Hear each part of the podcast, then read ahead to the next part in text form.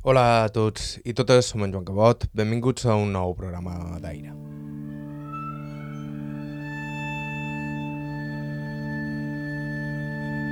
De tant en tant ens passa que ens topam amb un personatge tan increïble que no basta amb entrevistar-lo un cop.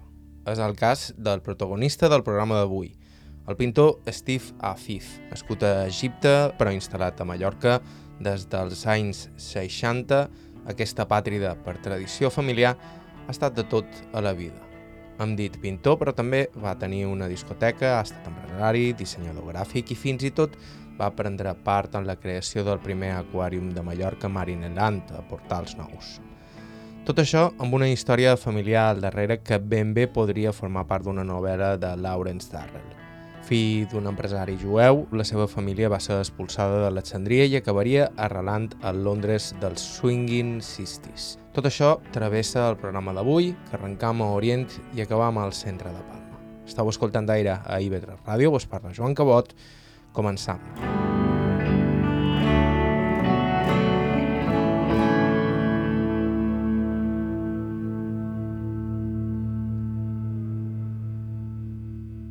I ho fem a l'estudi d'Steve Afif, assegut al mateix sofà, els dos cops que l'entrevistam. Ell mateix es presenta. Mi nombre completo es Steve, S-T-E-V-E, Afif, A-F-I-F, Sassoon, S-A-S-S-O-O-N.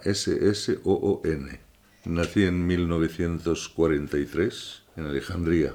Una ciutat amb ressonàncies literàries, però també una ciutat que en aquells anys era un dels ports més importants d'Orient i, per tant, un gran punt de comerç. La verdad era como, salvo las distancias arquitectónicas y, y la composición como cosmopolita, era muy parecido a Palma, a Palma de Mallorca.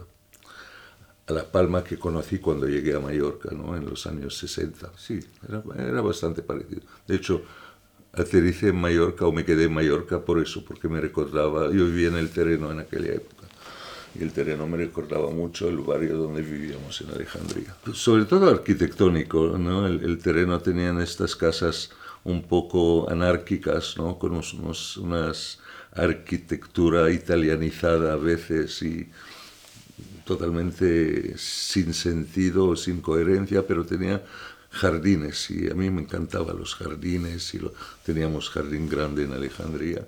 Este ambiente, este ambiente tranquilo del terreno me recordaba mucho el barrio donde vivíamos en Alejandría y la cercanía del mar, enormemente eh, cosmopolita y sí, era una ciudad portuaria por excelencia, era, un, era uno de los puertos más importantes del Mediterráneo en aquella época sobre todo el Mediterráneo del Este. ¿no?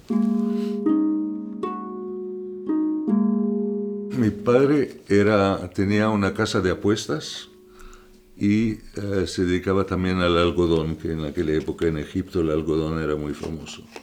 El, eh, algodón egipcio era mundialmente conocido y se dedicaba a la exportación de, de algodón un día éramos ricos y otros pobres, no, no, recuerdo muy bien, es lo que me contaba mi madre, pero era apuestas de caballos, en aquella época los ingleses tenían dos, dos uh, temporadas de, carreras de caballo en los clubs ingleses, unos en el Cairo, los, los otros en Alejandría, verano e invierno.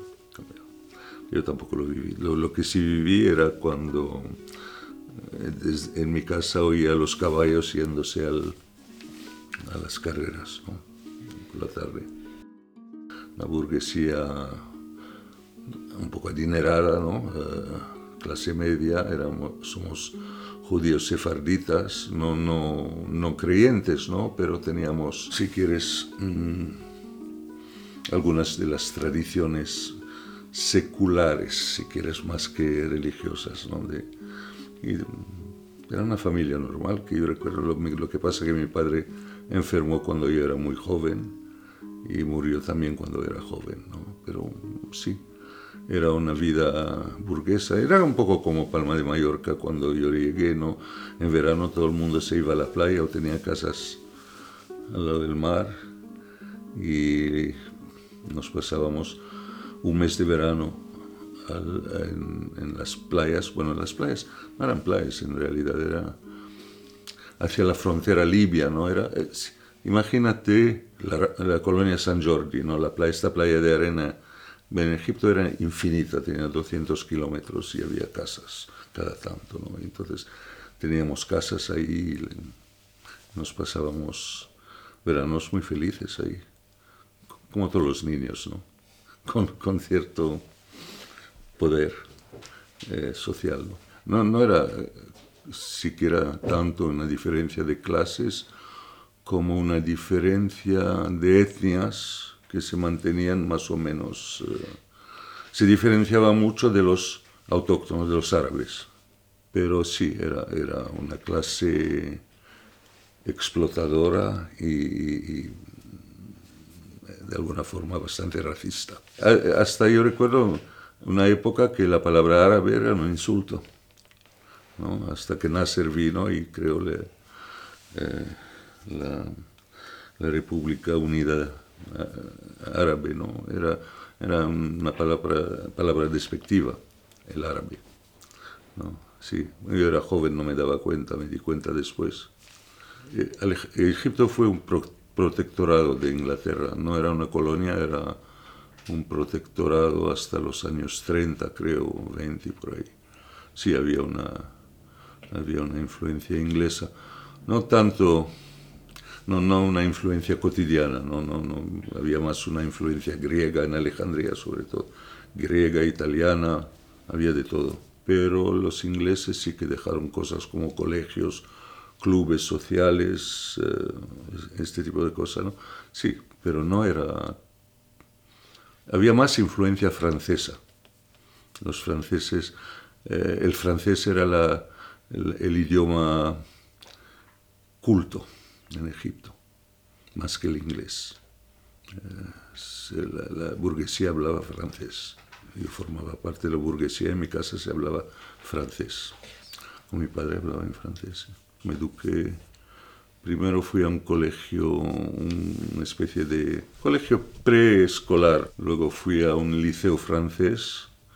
Luego mi padre, que era mucho más anglófilo, decidió mandarme a un, a un colegio inglés. i ahí estudié los, hasta los 14 anys. La seva educació, però, la completaria a Anglaterra després que la família de Steve Afif com tantes d'altres, fos expulsada d'Egipte durant els anys que varen seguir la nacionalització del canal de Suez. Nos expulsaron de Egipto en el 57. Uh, eh, no, nos, nos ordenaron, nos, nos mandaron la carta de expulsión, expulsión a finales del 57 y llegamos a Inglaterra en el 58. Nos uh, echaron de Egipto básicamente porque mi madre, por razones bastante, bastante complicadas, tenía un pasaporte inglés. Mi padre era patrida.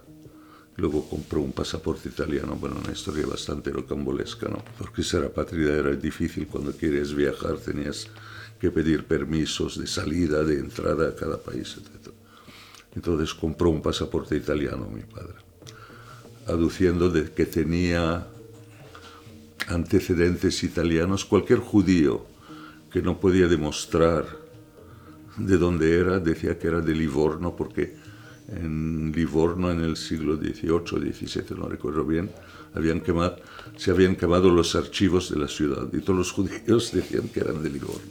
Muchos se fueron a Portugal, de Portugal a, a Holanda, otros se fueron de España a Italia, de Italia a Oriente Medio, lo que llamamos Oriente Medio. Iban donde había negocios, donde había posibilidad de sobrevivir.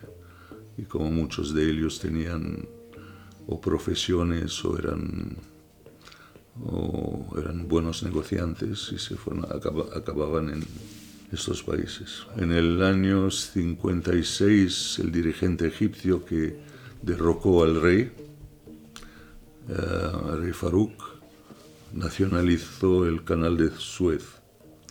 Y los ingleses y los franceses y los israelíes atacaron Egipto en aquella época. Entonces sí, expulsó a... Y poco a poco iba expulsando a toda, casi todos los que no tenían pasaporte egipcio, cosa que era muy difícil conseguir un pasaporte egipcio. Aunque hubiésemos nacido ahí, mis padres nacieron en Egipto y sus padres, aparte de mi abuela que nació en Turquía, en Izmir, la que hablaba ladino, la mayoría nacieron en Egipto, ¿no? pero era imposible conseguir un pasaporte. Imposible, no sé, era difícil. La seva mare, per una d'aquelles caramboles estranyes, sí tenia un passaport britànic i després de diverses bandades pel sud d'Europa, tota la família va acabar arribant a Londres. Había heredado un pasaporte inglés de su bis bisabuelo, que era un banquero, también judío, de Bagdad. Somos de origen sefardí, de España, española. Mi madre y, su madre hablaban ladino, entre ellas. Eh, ladino, que es el, idioma el castellano antiguo que hablaban los judíos en, España, ¿no? antes de la expulsión. Y ella heredó un pasaporte inglés porque mi bis bisabuelo, el de Bagdad, que era de Bagdad, en Irak, um, era banquero y hacía muchos negocios con los ingleses, sobre todo en la India. Y, y, entonces los ingleses le dieron un pasaporte inglés que mi madre heredó, pero nadie en mi familia tenía una gota de sangre inglesa o británica. Pero lo heredamos el pasaporte. Fue, fue, fue, traumático sobre todo para mi madre. Mi padre en aquella época estaba, se estaba, no recuperando, no, se, estaba enfermo de Parkinson. Lo habían lobotomizado en aquella época. Creían que lobotomizar podía, podía ayudar a los enfermos y todo, lo convirtió en una especie de, de vegetal ambulante. Entonces sí fue traumático porque nos dieron tres días para, para irnos del país y intentar eh, vender todo lo que teníamos, liquidarlo todo y tal, cosa que lo hizo, pero lo hizo de mala manera, ¿sabes? La gente se aprovechó mucho. Entonces salimos con el equivalente, diría, de 100 euros cada uno. Nos metieron en un barco, que era un barco de placer en aquella época, no eran estos cruceros enormes, los barcos de placer que a veces tomábamos para nuestras visitas a Europa, ¿no? Cada año hicimos y nos, un barco de, creo que de 400 eh, eh, pasajeros, nos metieron 1500, recuerdo esto bien, sino que estar en este barco de refugiados. Y aterrizamos en Venecia en noviembre del 58. Era, era bastante increíble porque había mucha bruma y mi pobre madre que tenía maletas y mi padre que lo metían los porteros encima de las maletas como si fuera un muñeco de trapo no se podía.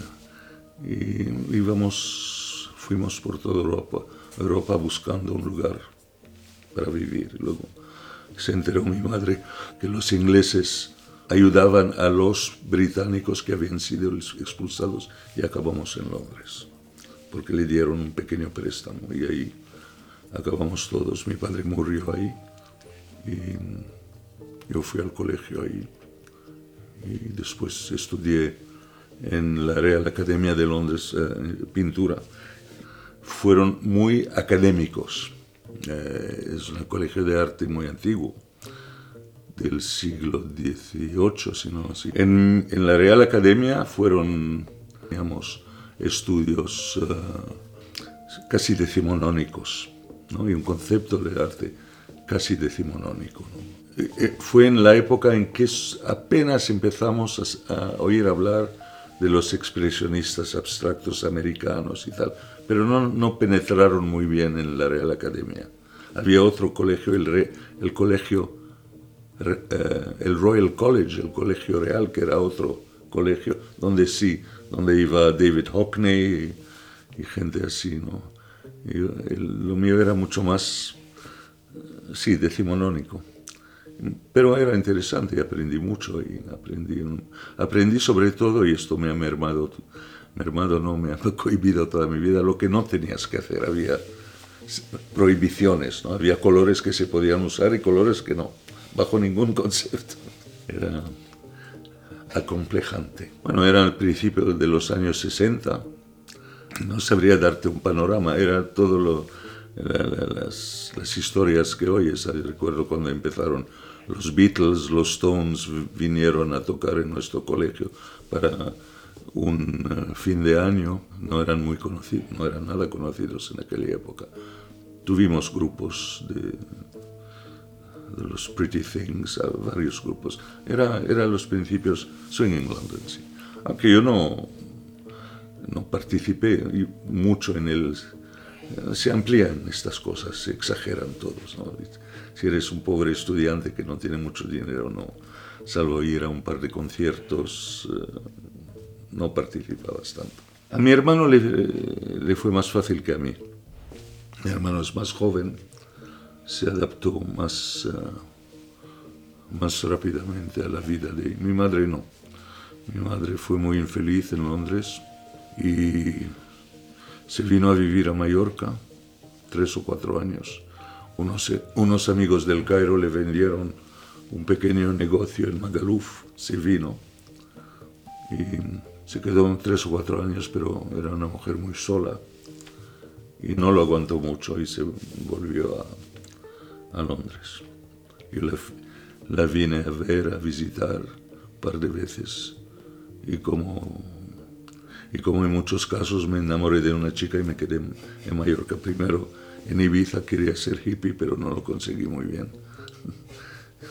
Coses. Abans d'arribar a Mallorca, però, Steve Afif i el seu germà viurien encara una altra aventura, que en part també tendria una influència en la seva decisió de quedar-se a les illes. Eh, Tenía 24 años, creo, 23. Después de los estudios, cuando estalló la guerra de los seis días, mi hermano se eh, alistó como voluntario para ir a salvar al país. Mi pobre hermanito, que era un, un matemático, un físico, un, de estas cabezas, se alistó. Y yo no, yo no era nada, ni soy sionista, ¿no? Mi hermano lo era un poco. Y se alistó y mi madre me dijo que tenía que ir a, con él para protegerle. No tenían la más menor gana de irme de... Tenía novia, tenía piso, era profesor ya de, de pintura en un colegio de... Había muchos colegios de arte en Londres de los, en aquella época. Y cuando ganó la guerra de los seis días, en seis días, Israel, mi hermano dijo, ya no me necesitan, y se quedó en Londres. Estudiaba en Cambridge, era, estudió física y matemática en Cambridge. Yo que había dejado la novia y el piso y el trabajo, me fui a ver. Entonces pasé un año ahí, bastante reveladores, y de ahí me fui a Ibiza. Y... ¿Reveladores por? Porque se veían las semillas de lo que iba a ser Israel. ¿no? Es un país bastante intransigente no, no estaba nada de acuerdo con el sionismo de aquella época. Tenía todavía esta gran ara arabofilia. Siempre me gustaba la, me gustaban los egipcios, me gustaba mi vida en Egipcio. Hablaba, hablaba bien árabe en aquella época y la cultura y la cultura de los países árabes me encantaba.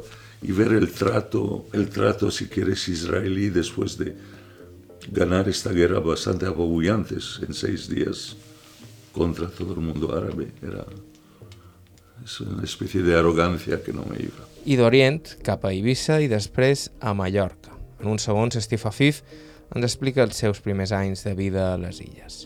Estau escoltant d'aire a IB3 Ràdio, fem una breu pausa i en uns segons continuem.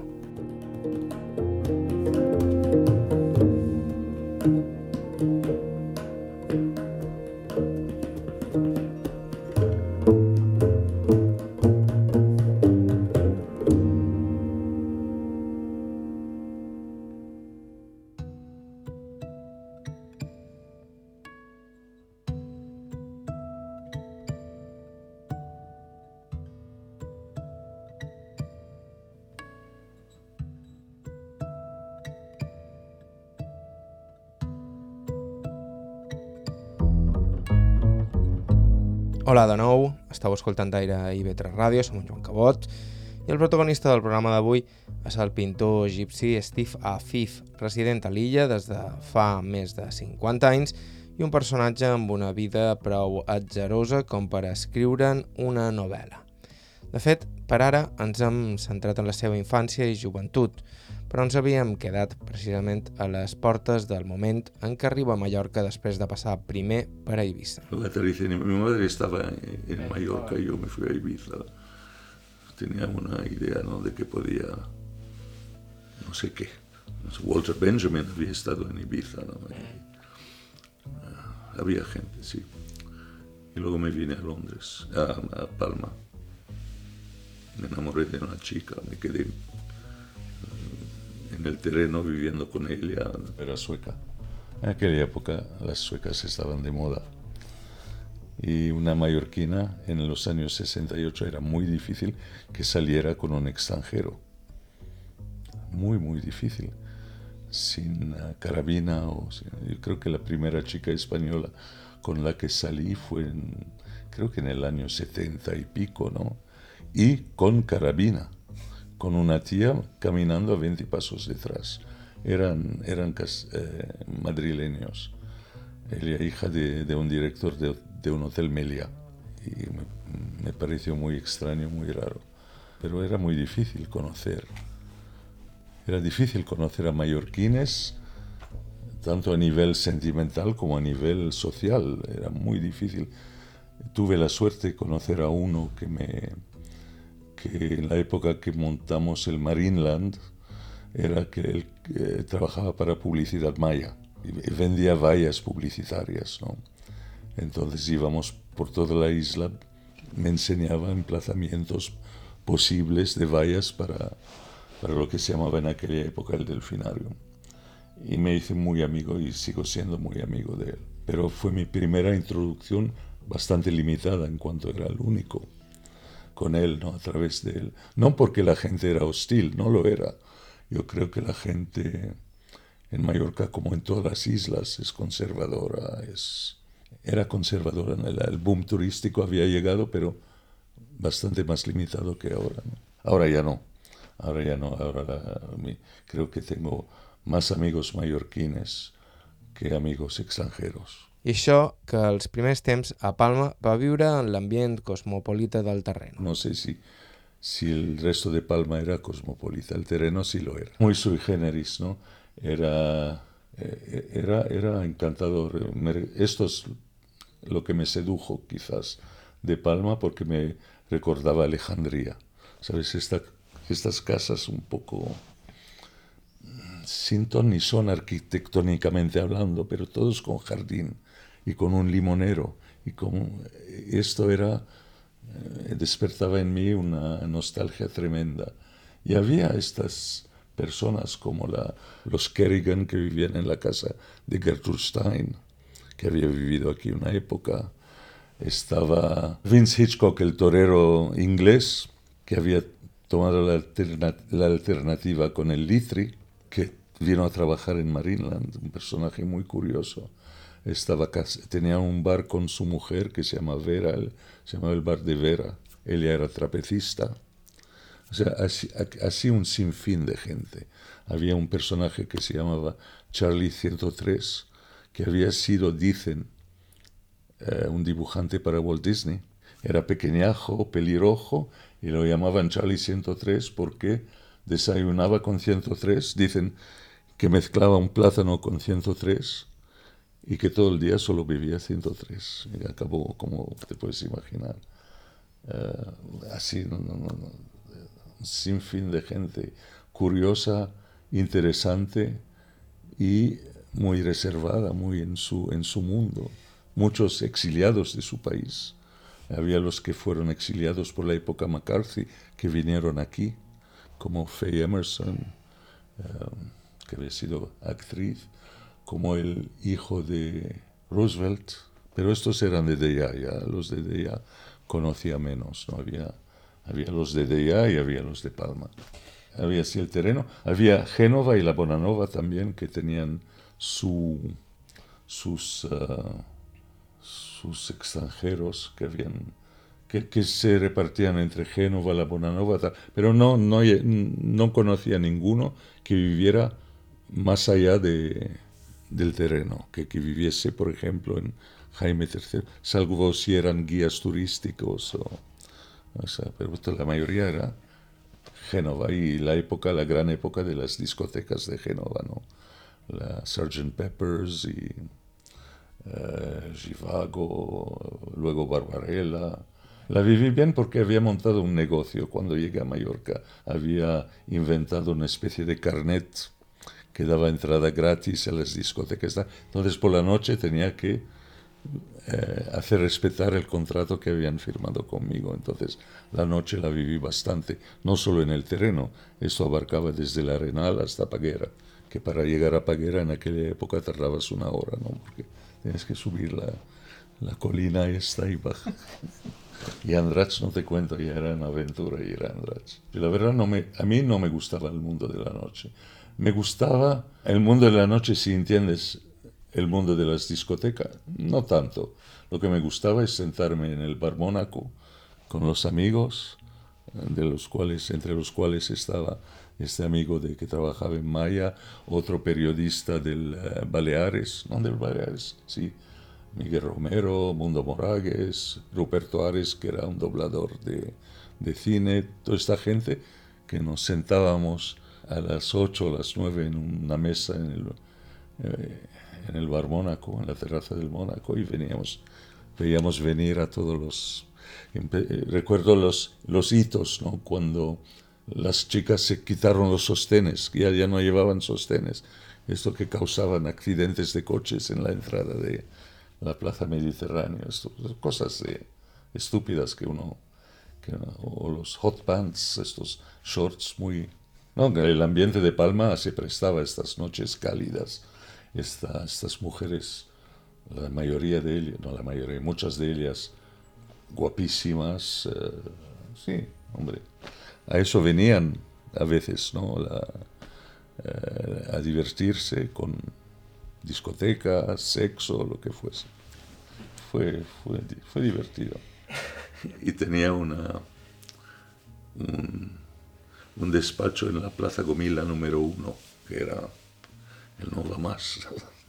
Y luego al cabo de un año, un año y medio, vendí la empresa, gané dinero.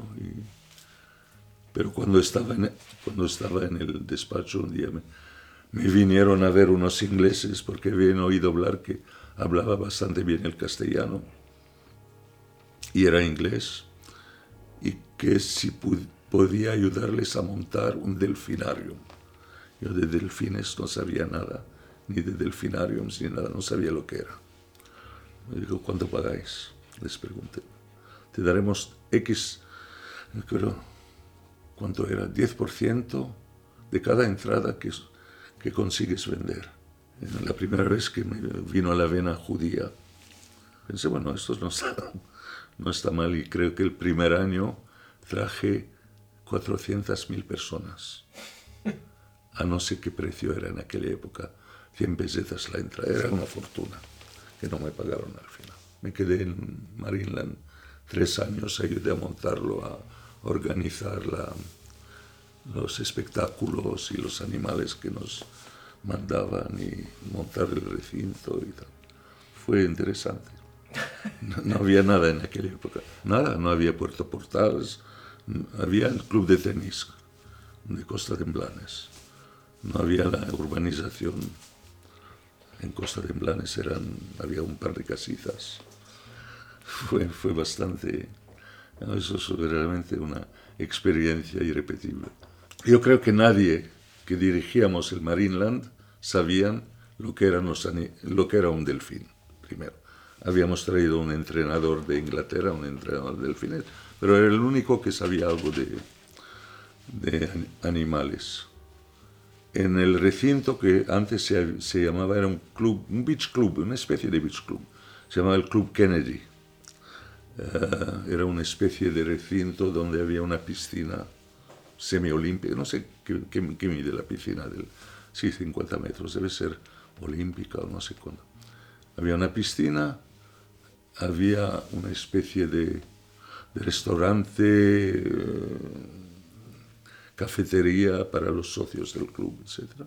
Había la playa y tenemos una familia de gitanos que se cuidaban de todo en cuanto a mantenimiento, por la noche se quedaban de guardias, etc.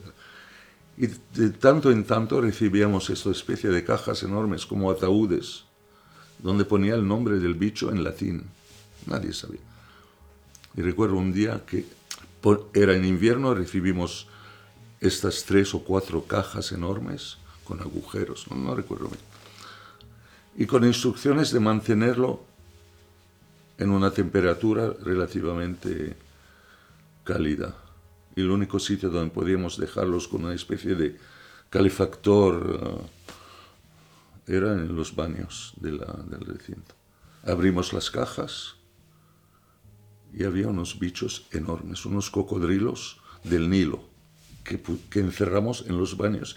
Y se nos olvidó decir a la madre gitana que dentro de, este, de los baños había cocodrilos. Recuerdo la escena cuando entró, casi en cámara lenta, recuerdo. Entró la, que era enorme, era muy simpática, muy amable. Se empezó a levantar las faldas antes de entrar. Yo tenía estas faldas velú. Abrió la puerta, hubo un momento de silencio y de repente sale esta mujer gritando con el culo al aire porque se había topado con un cocodrilo del Nilo, yo también lo hubiera hecho. Eh, y si teníamos pequeñas aventuras, un día se escapó uno y se, casi casi entra, entra en, en el mar, se saltó una valla, no, sabía que los cocodrilos podían subirse y saltar y casi entra en el, justo en el momento que venía una golondrina, golondrina con turistas una pareja de guardias civiles acercándose y ya estábamos seguros que aquello ya era el cierre definitivo de Pero era divertido porque teníamos, estábamos construyendo constantemente recintos para otros animales y tal. Y en aquella época había mucha inmigración andaluza. Entonces todos los albaniles eran andaluces y eran todos, eran todos eh, toreros en potencia. Y uno, el capataz del marín, el capataz de las obras del marín, era el torero inglés, el inglés se llamaba, Vincent Hitchcock, que había tomado la, alternativa con el Litri, pero era un alcohólico que acabó en Palma con un bar, su mujer era trapecista, pequeña mujer. Y él era, él, ellos, los, los andaluces, habían oído hablar de que había un torero. y después de cada cuando íbamos a cerrar el recinto por la tarde, todos ya se entrenaban con el capote, con el capataz. Entonces, cuando se escapó el cocodrilo, Vince, el capataz, les dijo a los pobrecitos andaluces, mirad chicos, esto no es tan peligroso como un toro, porque el bicho había empezado a caminar hacia el agua. Y si hubiese aterrizado en el agua, el turismo en Mallorca se hubiese acabado. Mallorca sería safari en Mallorca, ¿no? Cogerlo, agarrarlo por las patas y el cuello y lo atamos y lo devolvemos al recinto. Sin pensarlo, se tiraron tres jovencitos y de un coletazo les... Era como un dibujo animado. Lo recuerdo, lo vi. Gracias a Dios que se quedó enrocado el cocodrilo, que era un bicho enorme. Ahora está en Barcelona, creo que todavía vive era un cocodrilo de como tres o cuatro metros, una cosa asombrosa, asombrosa. Y nada, y lo cogimos. Pero aventuras así tuvimos muchísimas en Marineland. Muchas, muchas. Todo bicho que tuvimos, desde el, monitor de, el dragón de Komodo hasta el pelicano, todo se escapaba de nuevo. Y todo... No va a ser l'únic negoci un poc rocambolesc de Steve Afif. També va obrir una discoteca dins una cova a Cap Falcó, una discoteca amb un final abrupte i tràgic. Tuve una discoteca en Cap Falcó, en Calaviñas, eh, un par de veranos. La alquilé a un joyero que estaba en la calle San Jaime, recuerdo, a través de un amigo. Todo surge a través de amigos y tal. Ahí se, se alquila, era una cueva enorme, natural. Y se podía llegar a esta cueva en barco, los barcos podían atracar, o por tierra. ¿no?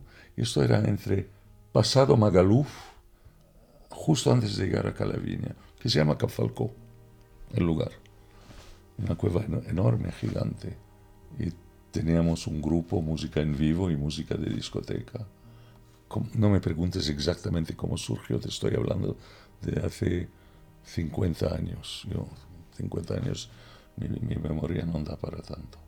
Y fue triste porque al final se desprendió. Yo, yo pregunté al dueño si tenía todas las garantías de los peleólogos, que esta cueva estaba segura. ¿no?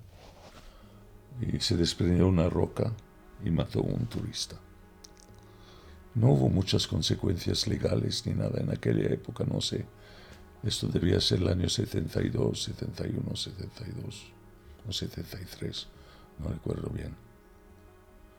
Pero no, no era un turista, era un chico que había venido a pedirme si podía vender tickets en la playa. En aquella época se, se utilizaba mucho tiqueteros playeros, ¿no? que iban por las playas vendiendo tickets y se ganaban una comisión. Y le hice esperar un momento y justo cuando iba a, a dirigirme hacia él, esta cosa enorme que le cayó encima.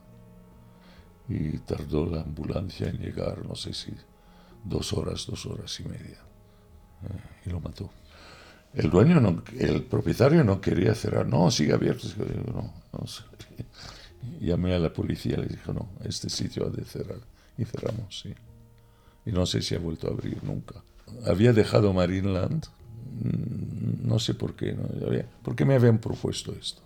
Y dije, bueno, hagamos esto, la dejé Marin. Luego volví un, un año más en Marineland, después, nada más. Luego no sé si monté un estudio de diseño gráfico con un amigo, en la época en que se hacía todo con letra set nuestro trabajo principal era producir menús en 15 idiomas, 15 no exagero, en 5 idiomas. Estos menús de aquella época que tenían por cada idioma dos páginas. Los restaurantes que, hacían comida internacional y hacían de todo. nos ganamos la vida así haciendo, haciendo traducciones y, menús y algún folleto de vez en cuando y. Me fui un par de años a Inglaterra y, trabajé para una empresa que vendía material escolar a las grandes cadenas, al campo, todo eso. Entonces, a través de ellos iba a China a producir este material lo diseñaba, lo producía, eh, material didáctico, era divertido. Iba a China, a la India, a Indonesia a hacer estas cosas, sin, sin que fuera mi... Pero me, me gustaba hacerlo, eh, inventar kits, inventar eh, embalajes nuevos y tal. Y vendimos mucho al campo en Francia sobre todo. Me gustan estos retos, ¿no? que son retos casi logísticos de cómo se hace y tal. Pero al final, como nunca he sido consumista, vivo bastante discretamente y la necesidad de ganar dinero la tenía porque ayudaba a la familia, a mi madre, a mi pareja en aquella época y tal. Pero personalmente nunca he tenido un... Eh, no consumo cosas, consumo ahora material eh, de pintura, cosas, pero nada más, ¿no? No, tengo coche, no, no, me voy de vacaciones nunca. Estas son mis vacaciones, toda mi vida ha sido vacaciones realmente. Nunca surgió por mí, siempre fueron amigos o gente que conocía que me sugirieron. Y luego, si quieres, fuera un reto te digo, logístico más que un reto de crear una empresa y vivir de ella. No, no, he conocido a muchos millonarios en mi vida y no funcionan así. Cuando agarran una cosa no la sueltan hasta que rinde el máximo. Yo nunca he sido lo suficiente, eh, de, alguna forma despiadado, ¿no? Decir, no, esto ha de funcionar por cojones, esto no. Lo que pasa con la pintura es, um, el reto me lo pongo yo. Tengo una cultura, si quieres, que es más afín a la pintura y a, las, y a la cultura que no a, la, a este mundo empresarial. Perquè ell en cap moment va abandonar el dibuix, en paral·lel a tot això, ell continuava pintant i mantenint el contacte amb el món de l'art i la pintura. No, no abandoné el dibujo sobre todo, no la pintura. Dibujo, pero mi madre ayudaba mucho a mi madre que acabó viviendo en Londres, necesitaba ganar dinero. Empecé a tener una familia, mi pareja tenía una hija y sí, una, una época tenía que trabajar. Empecé a dejarlo todo por esto. Cuando frecuentaba, sí, claro, sobre todo los artistas extranjeros y los que frecuentaban el Club de Mercres, que habrás oído hablar, ¿no? Es sí, fue en los años 70. Creo que mi primera exposición la hice en el 76 en Sapleta Freda, con Rich Miller, Jim Bird y Ellis Jacobson, que eran los pintores, si quieres, los decanos de la pintura extranjera aquí. Y empecé así. Poco a poco iba dejando todo lo demás. Y vendía más o menos. Me había separado en aquella época, entonces vivía solo. Tenía menos necesidades. Y, sí. Yo no era rico, pero ganaba, me ganaba la vida, ¿no? no no era rico, pero se vivía con muy poco. Eso es una cosa muy extraña, lo estaba hablando con una amiga ahora, que en Palma se puede vivir con muy poco. Es extraño el nivel de vida que puedes tener sin necesidad de ser. No, no digo que tengas un yate ni que tengas, pero en aquella época viví, no sé si 10 años con un 600, pero me bastaba, no, no necesitaba más que un 600 para ir a donde tenía que ir. Una la casa era, estas, te digo, casa maravillosa del terreno con un jardín que pagaba, no sé si eran 400 pesetas al mes, que, es nada, nada, ¿no? Las cosas acá han cambiado, yo creo que en el mundo entero han cambiado, no, solo en Mallorca. Sí, mucho han cambiado, pero no creo que se viva, mejor ahora que antes. No, no sé qué más podía tener en aquella época para ser feliz. Poca cosa. No sé si fue una influencia de la isla. No sé, no. Lo que sí es, quizás había una cosa positiva y negativa a la vez. La positiva era que tenías una facilidad de vivir relativamente bien con muy poco. No hubiese sido lo mismo vivir bien en Londres o en Nueva York o en Berlín, donde los retos eran, eh, la vida era más dura, ¿no? En Mallorca nunca, la vida no era dura, era por muy poco dinero que tuvieses, vivías más o menos, los alquileres eran muy bajos, pero esto tiene contrapartida, que no tenías grandes retos, no, te, no exponías tu obra a, más que a un periodismo crítico, más que una crítica, ¿no? Era periodismo de provincias. Entonces esto es, era, que, era fácil no, no retarte a ti mismo, no, no exponer tu obra a, la posible crítica demoledora. ¿no? Y esto no creo que sea bueno para un artista joven, sobre, bueno, joven no, ya no lo era tanto, pero yo creo que todos los artistas tienen que irse de su, de su lugar de, de nacimiento casi, ¿no? Y muchos no se fueron. yo lo entiendo también, ¿no? Es, es, no, no, no es fácil decir, bueno, me marcho, lo dejo todo y voy a vivir en otro país donde tendré que restablecerme y tal, no, no sé. Era, Ell això d'establir-se lluny del seu origen ho ha fet, però sempre ha estat humil quant a la seva pròpia trajectòria artística. No veo una carrera, no veo, yo creo que todo... ¿Qué ves? una vida, pero no una carrera. no, no he sido, yo, yo he pecado por lo mismo, ¿no? No me he expuesto a los retos. Yo, he tenido una suerte enorme en Mallorca por los amigos que tengo en Mallorca. Pero carrera no sé si tengo... No tengo un estilo propio, creo que... O por lo menos yo no lo reconozco. Todo me ha interesado un poco y he tenido suerte, nada más. Yo solo puedo decir que he tenido suerte increíble en toda mi vida, de haber sobrevivido haciendo lo que me gusta.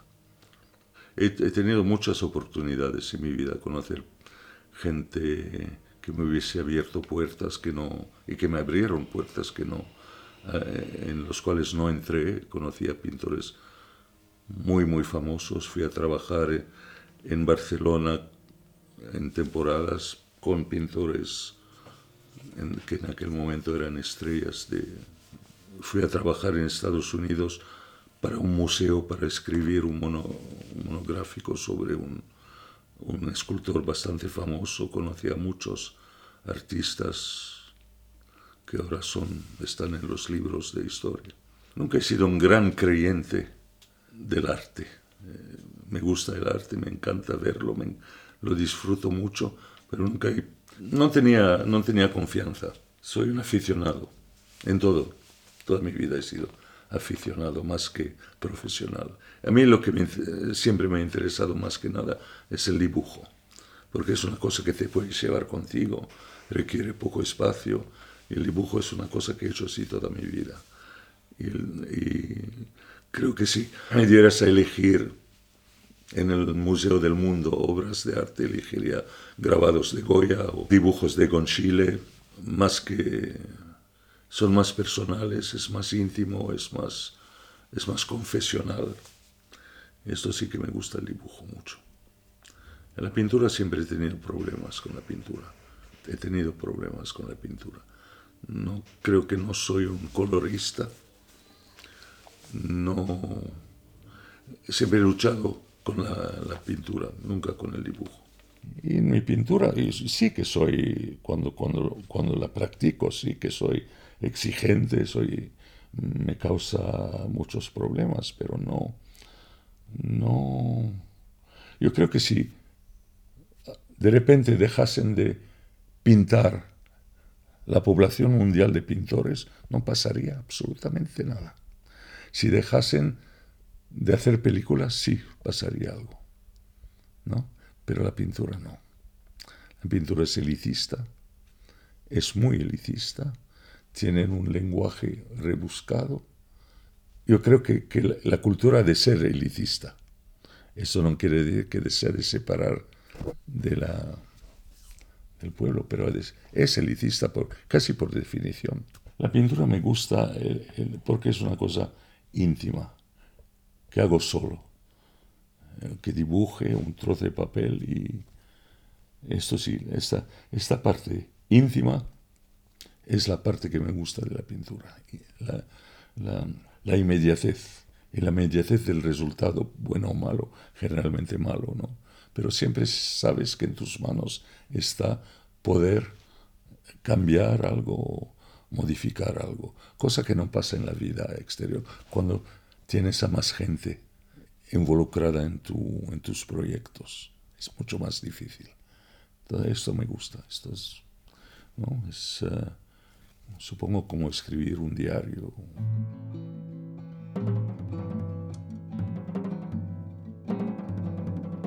Fa dècades que Steve Afif no torna a la seva Alexandria, s'hi manté el contacte amb el seu germà, que viu a Londres, pero ella es considera un poc d'enlloc, una patria per herencia familiar. Yo nunca me he sentido inglés, nunca.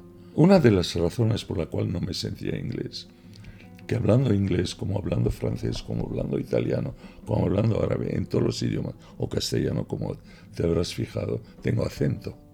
Y la gente siempre me pregunta, ¿de dónde soy? Es una pregunta que me incomoda bastante, ¿no? ¿Por qué crees que no soy de aquí? Eh, y, en Inglaterra, como sabes, esta estructura clasista, basada muchas veces en los acentos, que, uno reconoce si quieres un estatus social a través de un acento. Si viene del norte es de inferior al que viene sur, etc. Entonces en Inglaterra te hace sentir esto. Yo creo que el único momento que me sentí libre de esto fue en Nueva York. Cuando fui a Nueva York, aquí todo el mundo, nadie le importa un bledo de dónde eres. No hay esta, este clasismo, este... Pero por otra parte es una gran ventaja no sentirse parte de algo. És una gran liberació. Si ell és part d'alguna cosa, és d'una petita comunitat de gent coneguda, d'amics que coneix des de fa dècades i que es va trobar aquí i en qui coincideix en aquell munyó de carrerons del centre on té el seu propi estudi, el més pròxim a la seva pròpia pàtria. Cada vez que vengo al trabajo, vivo en la Plaza Chopin y vengo aquí, y solo este trayecto de tres minutos y medio, poder saludar a gente que te que de alguna forma eh, es parte de tu familia. Me encanta. Tengo una suerte brutal de vivir en Mallorca y no he hecho nada para conseguirlo. Todo me ha venido de, de churra. Me encanta Mallorca.